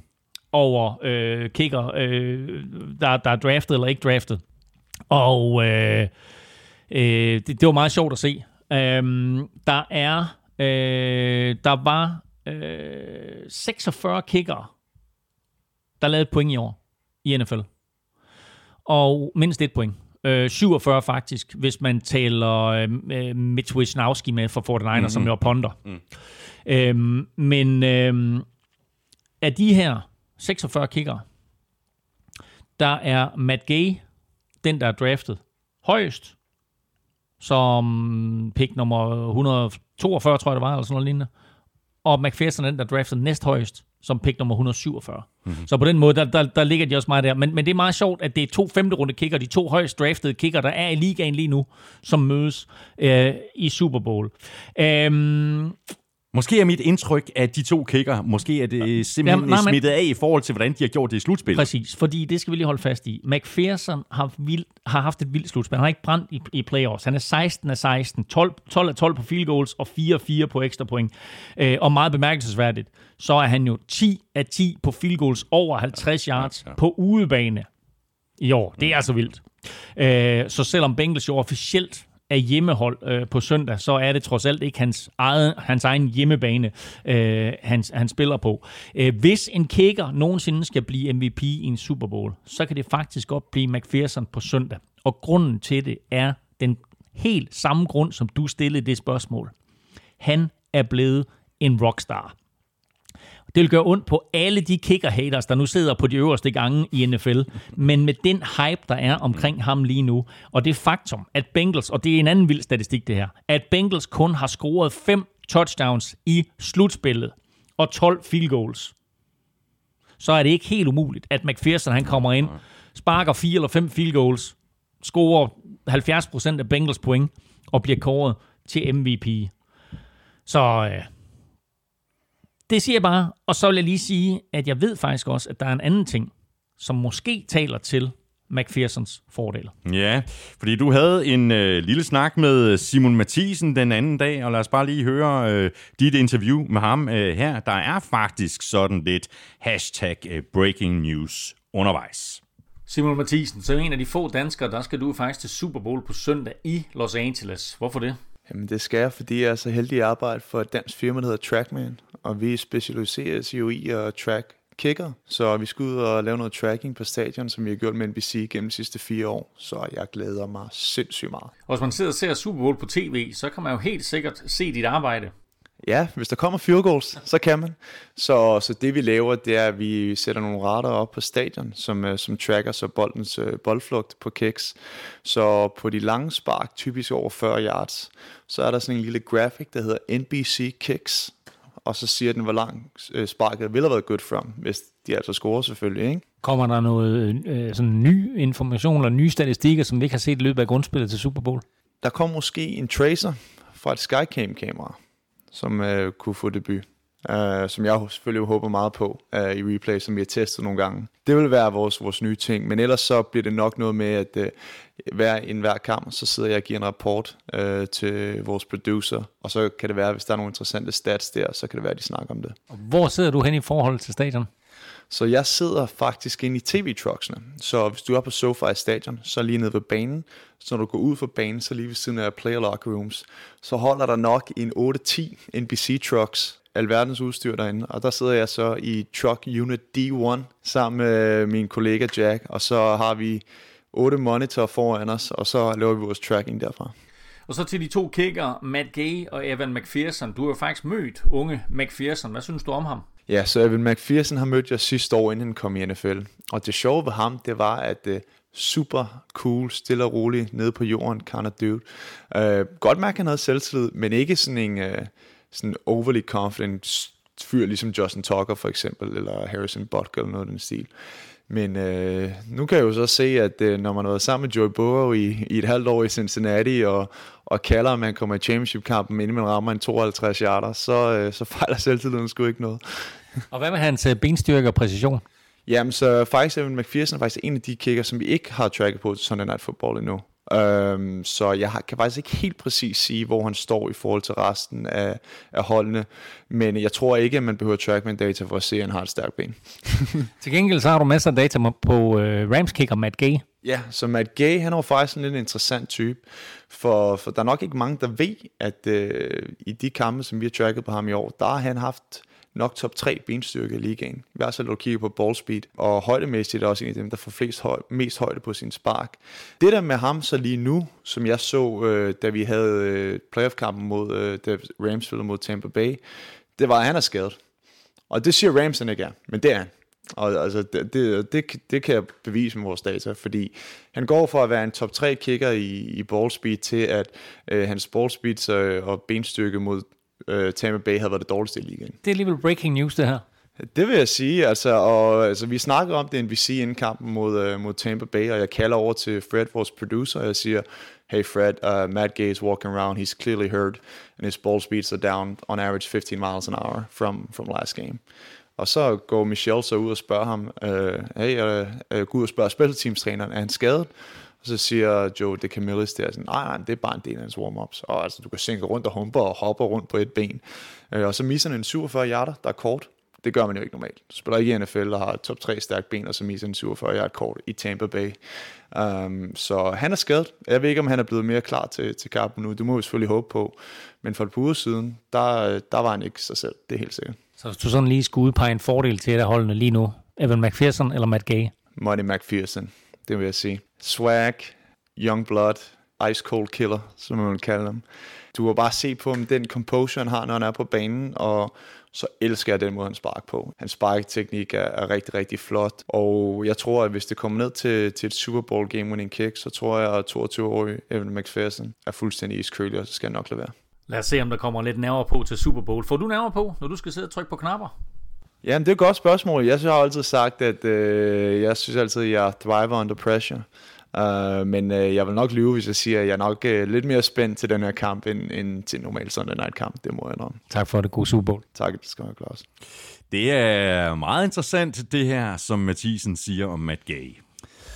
Det er helt sikkert. Altså nu har han selvfølgelig haft 14 dage til at komme sig oven på, øh, på, på NFC-finalen der, men altså hvis, hvis han er småskadet, øh, og vi så det, og vi undrede også over det der med, at han brændte det der korte field goal, øh, så, øh, så det er klart, at det er da en kæmpe fordel til, til Bengals øh, på kickerpositionen, men øh, så må man jo bare score touchdowns i stedet for. Ja, præcis.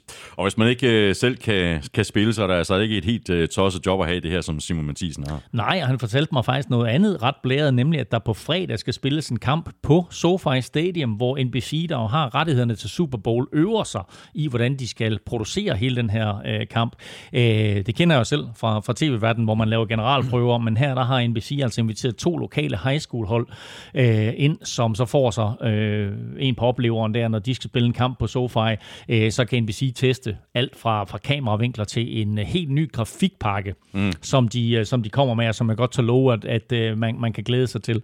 Derudover så får Simon faktisk lov til at sparke i den her kamp på fredag, øh, fordi der, de der high school kicker jo sikkert ikke rigtig øh, har hverken ben eller præcisionen til at kunne teste systemet. Så når der skal sparkes, så ryger, så ryger Simon med ned på banen der. Så de havde sagt til ham, so you ready to kick on Friday? Han var, what, what, what?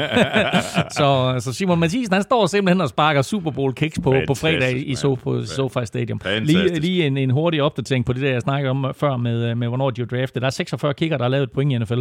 De 16 af dem er draftet, 30 undrafted. Uh, Matt Gay draftet højst med pick 145, Evan McPherson næst højst med pick 149, begge i femte runde. Og det her, det var altså øh, de matchups, øh, som vi havde valgt ud, og, øh, og, og der kan selvfølgelig være masser af andre ting, der kommer til at afgøre den her kamp, men her var der i hvert fald lidt at holde øje med. Lige om lidt, der skal vi have sat vores øh, Super Bowl picks, og vi skal også have lidt øh, input fra The Stat Wizard, Lukas Willumsen. Men øh, før vi gør det, så hopper vi lige et øh, smut i podcast-køkkenet sammen med Hello Fresh, verdens førende leverandør af måltidskasser pakket med friske råvarer, leveret lige til døren. Super nemt at gå til, hvis altså man er kunde hos Hello Fresh. Og det er vi øh, heldigvis Elming, eller skal jeg bare kalde dig for Jan, eller er det Roy? Jeg kan ikke huske, hvem der Ej, er jeg, jeg er Jan, fordi du er røg i køkkenet. Sådan, jeg er Roy i køkkenet.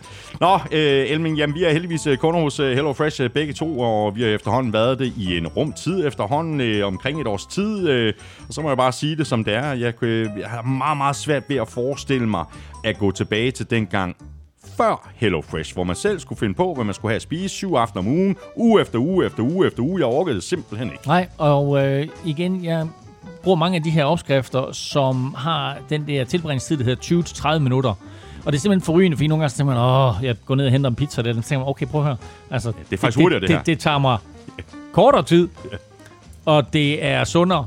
Øh, så altså, så sent som i aftes, der lavede jeg sådan en eller anden form for øh, øh, japansk et eller andet ret med øh, noget, noget lime og noget soja og noget et eller andet halvøje, og det blev super godt, og det tog mig under en halv time. Ja, det er fantastisk, og man kommer til at smage masser af, af nye ting, bruger nye krydderier, når man øh, er øh, kunde hos øh, Hello Fresh, og man får de her pakker leveret ind ad døren. Hvis du skulle nævne en top 3 elming over de ting, som du sætter mest pris på hos Hello Fresh. Bare tre ting. Hurtighed, øh, variation af, af de retter, man får, og så det her faktum med, at det hele kommer i en pose. Du hælder det lige ud på køkkenbordet, så stiller du posen, og så kommer du ellers alle skralder og rester og sådan noget op i posen, og så er der nærmest ryddet op i det, du er færdig. Der er rigtig mange gode grunde til at hoppe med på den her Hello Fresh vogn. Det er nemt, det er hurtigt, det er lige til at gå til. Kassen kommer på det aftalte tidspunkt. Du pakker lige det hele ud, når kassen den kommer, sorterer varerne. Det er helt tydeligt, hvilke varer der skal i køleskabet, så er der ellers legnet op til nem mad i det antal dage og til det antal personer, som du har bestilt til. Og det betyder så også, at der ikke er noget madspild. Det hele det er doseret helt perfekt. Og hvis øh, du endnu ikke er kunde hos øh, Hello Fresh, så kan du blive det i en øh, fart, og du kan ovenikøbet spare en øh, masse penge på dine fire første måltidskasser, helt op til 725 kroner, og det kan du, hvis du går ind på hellofresh.dk og bruger vores kode FRESH. NFL. Og du hænger ikke på noget, du kan altid melde fra igen, og hvis du øh, for eksempel skal ud og rejse, eller hvis du bare har andre madplaner, jamen så pauser du bare dit øh, abonnement. Adressen er hellofresh.dk, og hvis du bruger koden FRESHNFL, så kan du altså spare helt op til 725 kroner på dine fire første måltidskasser. Vi skal have quizzen! Åh, Det er tid til quiz, quiz, quiz, quiz, quiz. Hvad, øh, hvad skal du have at spise til Super Bowl? Det har jeg faktisk ikke besluttet mig for endnu, men jeg tror, vi øh, ender med at lave nogle ordentlige svin og nogle burger. Ja, jeg skal have grilltæller.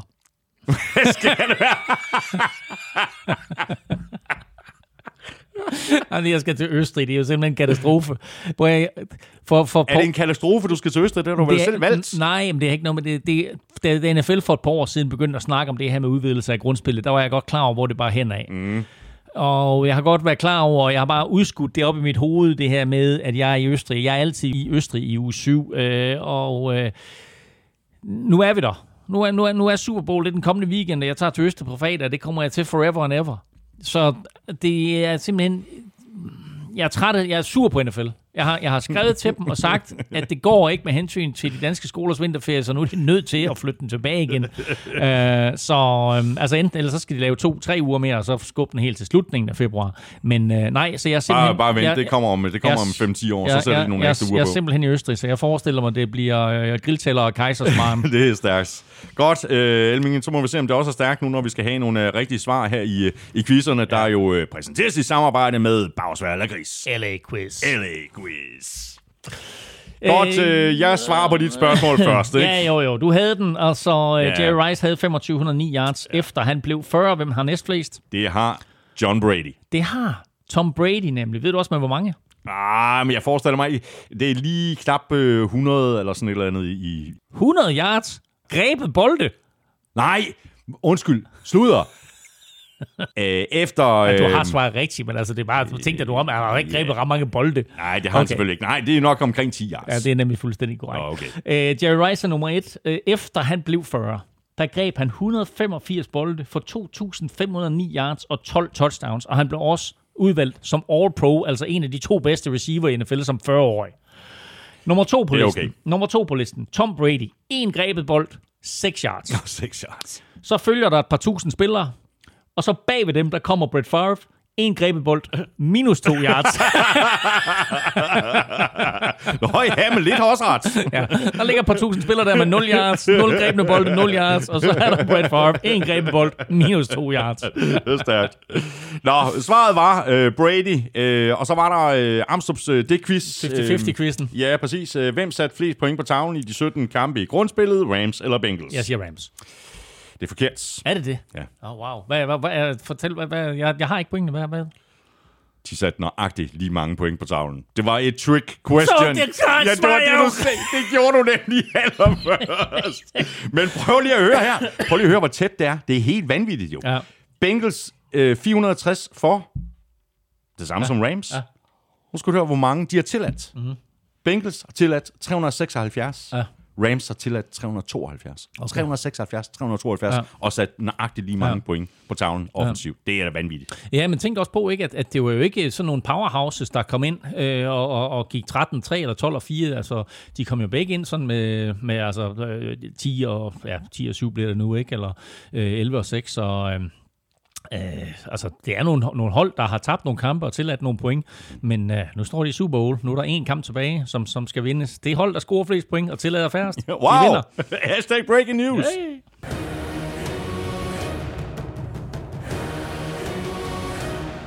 Skal vi lige have fat i øh, Oddset og øh, Tips.dk. Øh, Oddset først, vi lægger en ny øh, Oddset-quiz øh, op i morgen på vores øh, Facebook-side.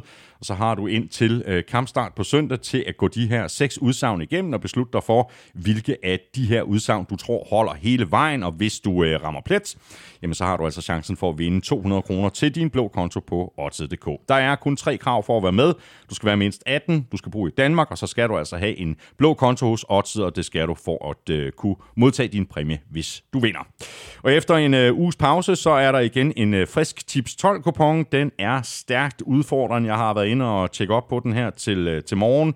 Det er jo en øh, Super Bowl special, og du finder kuponen det sædvanlige sted, nemlig på tips.dk under Tips 12 søndag, og der er som øh, altid 100.000 kroner i første præmiepuljen, og der er også præmier til 11 og 10 rigtige. Jamen, Altså nu, nu, vi, må, vi må jo ikke længere komme med øh, tips øh, øh, Nå, anbefalinger. Til anbefalinger. Men jeg synes da godt lige, vi kan gennemgå den der udsagnsquiz for ugen, ikke? Altså, Det kan vi sagtens. der er, der er seks udsagn.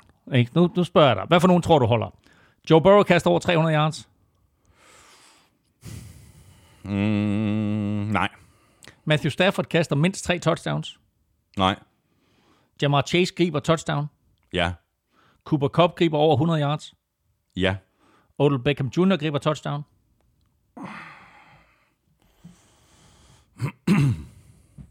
ja. Aaron Donald laver mindst et sack. Mm. Ja, det er jeg helt sikker på. Det, Er der det? At han laver sack? Ja, det tror jeg, det tror jeg, han gør. Men det kan også godt være en anden, der, der, der, der får sack. Lad os bare- Eller to, eller fem. Ja, men helt sikkert, helt sikkert. Men jeg tror, han laver et sack. Øh, jeg vil sige, prøv at høre. Alle seks kunne jeg godt finde på og sætte flueben ved, og så bare håbe, at vi får en vild Super Bowl. Ja, præcis, men det er jo, det er jo lige præcis også sådan, den her oddsede udsagnsquiz er lavet, at det er jo lige præcis sådan nogle mere eller mindre 50-50. Altså, ja, Ja, de sidder jo og kigger på alle Ja. statsene. Ja, det er lige, Lige deromkring. sådan der, ikke? Ja.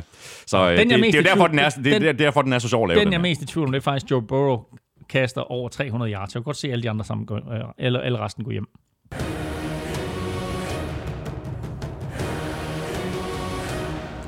Nå, nu skal vi have sat vores ene pick, øh, picket til Super Bowl, og i forhold til vores lille indbyrdes opgør, Elming, så får det jo ikke andet end øh, kosmetisk øh, betydning. Du har jo allerede sikret dig sejren. Øh, inden vi laver øh, picket, så skal vi lige høre fra Lukas Willumsen. Han skriver sådan her til os. Claus sikrede sig i sidste runde den samlede sejr, da han nu fører med 175-173 inden sæsonens sidste kamp. Det betyder selvfølgelig ikke, at der ikke er noget på spil i denne runde i løbet af shows forrige seks sæsoner. Så fører Claus nemlig det indbyrdes Super Bowl opgør med 4-3. Så her har Thomas for andet år i træk en mulighed for at udligne. Det bliver dog ikke nogen nem opgave, for Claus er brandvarm, når det kommer til, hvem der vinder Super Bowl. Han har nemlig ramt rigtigt tre år i træk. Og så til øh, selve kampen. Rams og Bengals har mødtes to gange i NFL-showets historie, og begge gange ramte i begge udfaldet. Selvom Rams officielt er udeholdt, så spiller de nu engang på hjemmebane, og hvordan er det så gået, når Rams har spillet en primetime-kamp på SoFi? I deres to sæsoner på SoFi, der er det blevet til fem af sådanne kampe, og her har I begge ramt tre rigtige. Begge missede bigs var dog i uh, Sunday Night Football, så det skal blive spændende at se, om den tendens fortsætter. Det var det. Øh, Det var indsparket fra Lukas, og det blev så øh, desværre sidste gang, at øh, Lukas er med her i showet. Han har øh, skrevet, vi har mailet lidt frem og tilbage, og han har, øh, har simpelthen skrevet, at han ikke rigtig synes, at han har tid længere, så sådan øh, går det, når man bliver voksen og får en masse forpligtelser. Men øh, kæmpe stor tak til dig, Lukas, for al den tid, du har været med i showet, og for alle de crazy stats, du har leveret undervejs. Det har været en øh, kæmpe fornøjelse, og Elming og jeg, vi talte om, øh, inden vi gik på for at optage showet i den her uge, at det kunne være meget sjovt, at hvis øh, du eventuelt kan sende dine statsheets, så, så kan vi Jeg vil, eventuelt... bare gerne, Øh, jeg vil bare gerne se de regnark der. ja, præcis, og så... Øh, Fuldstændig vanvittige. og så tage nogle billeder og smække dem op eventuelt ja. på, på Facebook og Instagram, eller hvor vi nu øh, beslutter os for at, at smide det op. Lukas, øh, tak for indsatsen. Det har været en øh, fornøjelse at have haft dig med, og øh, tak for nu til dig, Elming. Det har som altid været en øh, kæmpe fornøjelse at sidde og Jeg tale, tror, jeg, tror også, jeg, tale blev, fodbold. jeg, jeg tror også, jeg blev fyret. Lukas er godt nok ikke blevet fyret. Der er ikke nogen, der bliver fyret her i Bæksen. Fornøjelse som altid, Elming. Også selvom der ikke var nogen kamp at tale om, men ja. så er vi øh, jo en, en helt fantastisk kamp, som vi har set frem til. Helt sikkert. Altså, at, at, altså vi, vi skal stadigvæk komme vores pick, ikke? Jo, det er rigtigt. Jo, nå. jo forventet. Jeg havde helt glemt. øh, hvem skal... Ved du hvad, jeg, jeg går med, øh, med eventyret. Jeg, øh, jeg siger Bengals. Nå, men det gør jeg også. Jeg, Er det rigtigt? Ja, jeg tror også, Bengals vinder. Hold da op. Ja. Jeg kan godt se Rams vinde den her kamp på baggrund af deres forsvar. Jeg kan godt se Aaron Donald og company fuldstændig øh, ødelægge den der offensive linje for Cincinnati Bengals og gøre det meget, meget svært for Joe Burrow øh, at få nogen former for succes. Men altså, hvis Bengals de er ordentligt forberedt og har en god plan for, hvordan øh, de, de stopper den der defensive linje, så tror jeg, at Joe Burrow han er så skarp og han er så kold, at han forhåbentlig ikke lader sig påvirke alt for meget af, at det er Super Bowl og det er pres, at, at Bengals de fuldfører det her fuldstændig fantastiske eventyr. Tak for dag. Øh, fornøjelse, og øh, have en rigtig god øh, Super Bowl. Og tak øh, også til dig, fordi du lyttede med. Vi håber også, at du får en super Super Bowl. Og hvis du i øh, øvrigt synes, at vi er sådan nogenlunde super at lytte til, øh, så kan du overveje at stikke os en anmeldelse og nogle stjerner, enten i Apple Podcast eller i Spotify. Du kan også øh, give os et skulderklap, som vi virkelig kan mærke, og det kan du på nflsod.dk, hvor der er to links øverst på siden. Dels er der linket til shoppen, hvor du kan købe lidt af vores merchandise, og ved siden af det link, der ligger linket til tier.dk, hvor du kan støtte os med et valgfrit beløb, hver gang vi uploader en ny episode. Det er der lige nu 57, der har valgt at gøre, og tusind tak til hver og en af jer. Vi kunne ikke gøre det uden jeres opbakning. Følg Elming på Twitter på snablag NFLming. Mig kan følge på øh, snablag Thomas Kvartrup, hvis du vil i øh, kontakt med os. Hvis du vil øh, kommentere eller stille spørgsmål, så kan du række ud efter os på både Twitter, Facebook og Instagram, og du kan også sende os en mail på mailsnablag.nflshowet.dk. Husk at støtte vores gode venner og samarbejdspartnere fra Tafel og Odset fra Danske Licens Spil. De støtter nemlig os. Og i forhold til Odset, Husk, at man skal være minimum 18 år og spille med omtanke. Har du brug for hjælp til spilafhængighed, så kontakt Spillemyndighedens hjælpelinje Stop Spillet eller udluk dig via Rufus. Regler og vilkår gælder. Også et øh, kæmpe stort tak til øh, Charbroil for at være med os igennem hele slutspillet. Husk at sende dit øh, bud på ugens quiz-spørgsmål ind på mailen. Så har du nemlig chancen for at vinde en Charbroil Grill to Go, plus det løse til en samlet værdi af 1.700 kroner. Husk også tilbuddet fra Hello Fresh. Du kan spare helt op til øh, 725 kroner på dine fire første måltidskasser, og det kan du, hvis du bruger vores kode FRESHNFL på hellofresh.dk. Det var øh, alt for nu. Vi er tilbage igen i næste uge. Ha' en helt igennem fantastisk Super Bowl. NFL-showet er produceret af Kvartrup Media, der også producerer Born Unplugged, PL-showet og Golf-showet. PL-showet om Premier League udkommer hver mandag. Golf-showet med Søren Armstrong og Andreas Hardø udkommer hver tirsdag. Born Unplugged om dansk politik lander hver fredag, og husk også drengene over på Velropa-podcasten. De er i fuld gang med cykelsæsonen, og så er Hjelming og jeg ellers tilbage igen næste uge. Ha' det godt så længe. Hot odds. Det er jo andet år i træk, at Super Bowl bliver spillet, hvor det ene hold har hjemmebane. Sidste år var det i Tampa Bay, hvor Buccaneers fik hjemmebane. I år er det i Los Angeles med uh, Rams, som så godt nok er officielt udehold, mens Bengals er hjemmehold. Bengals har valgt at spille i sort, mm-hmm. og uh, Rams spiller i deres hvide uniformer, som bliver sådan lidt en throwback til, da de vandt Super Bowl over Tennessee Titans. Um, men NFL har meldt ud, at man ikke ønsker det her igen med, at hold skal have hjemmebane i Super Bowl. Så derfor så kommer alle fremtidige Super Bowls til at ligge i San Francisco. det var ikke det, de meldte ud. Det var faktisk Dallas, den kørte på. Den kørte på Dallas. Og det, så, så du den på Twitter? Eller Ja, så, så- jeg så det er så fuldstændig officielt ud og sådan noget. Sådan, sådan, noget. Jeg læste, Ah. jeg læste den også igen, og tænkte, okay, fair nok. Ja, vi glæder os, det bliver fedt. Vi snakkes ved kanon, på tirsdag. Ja. God koos kuhu pool? Alimo.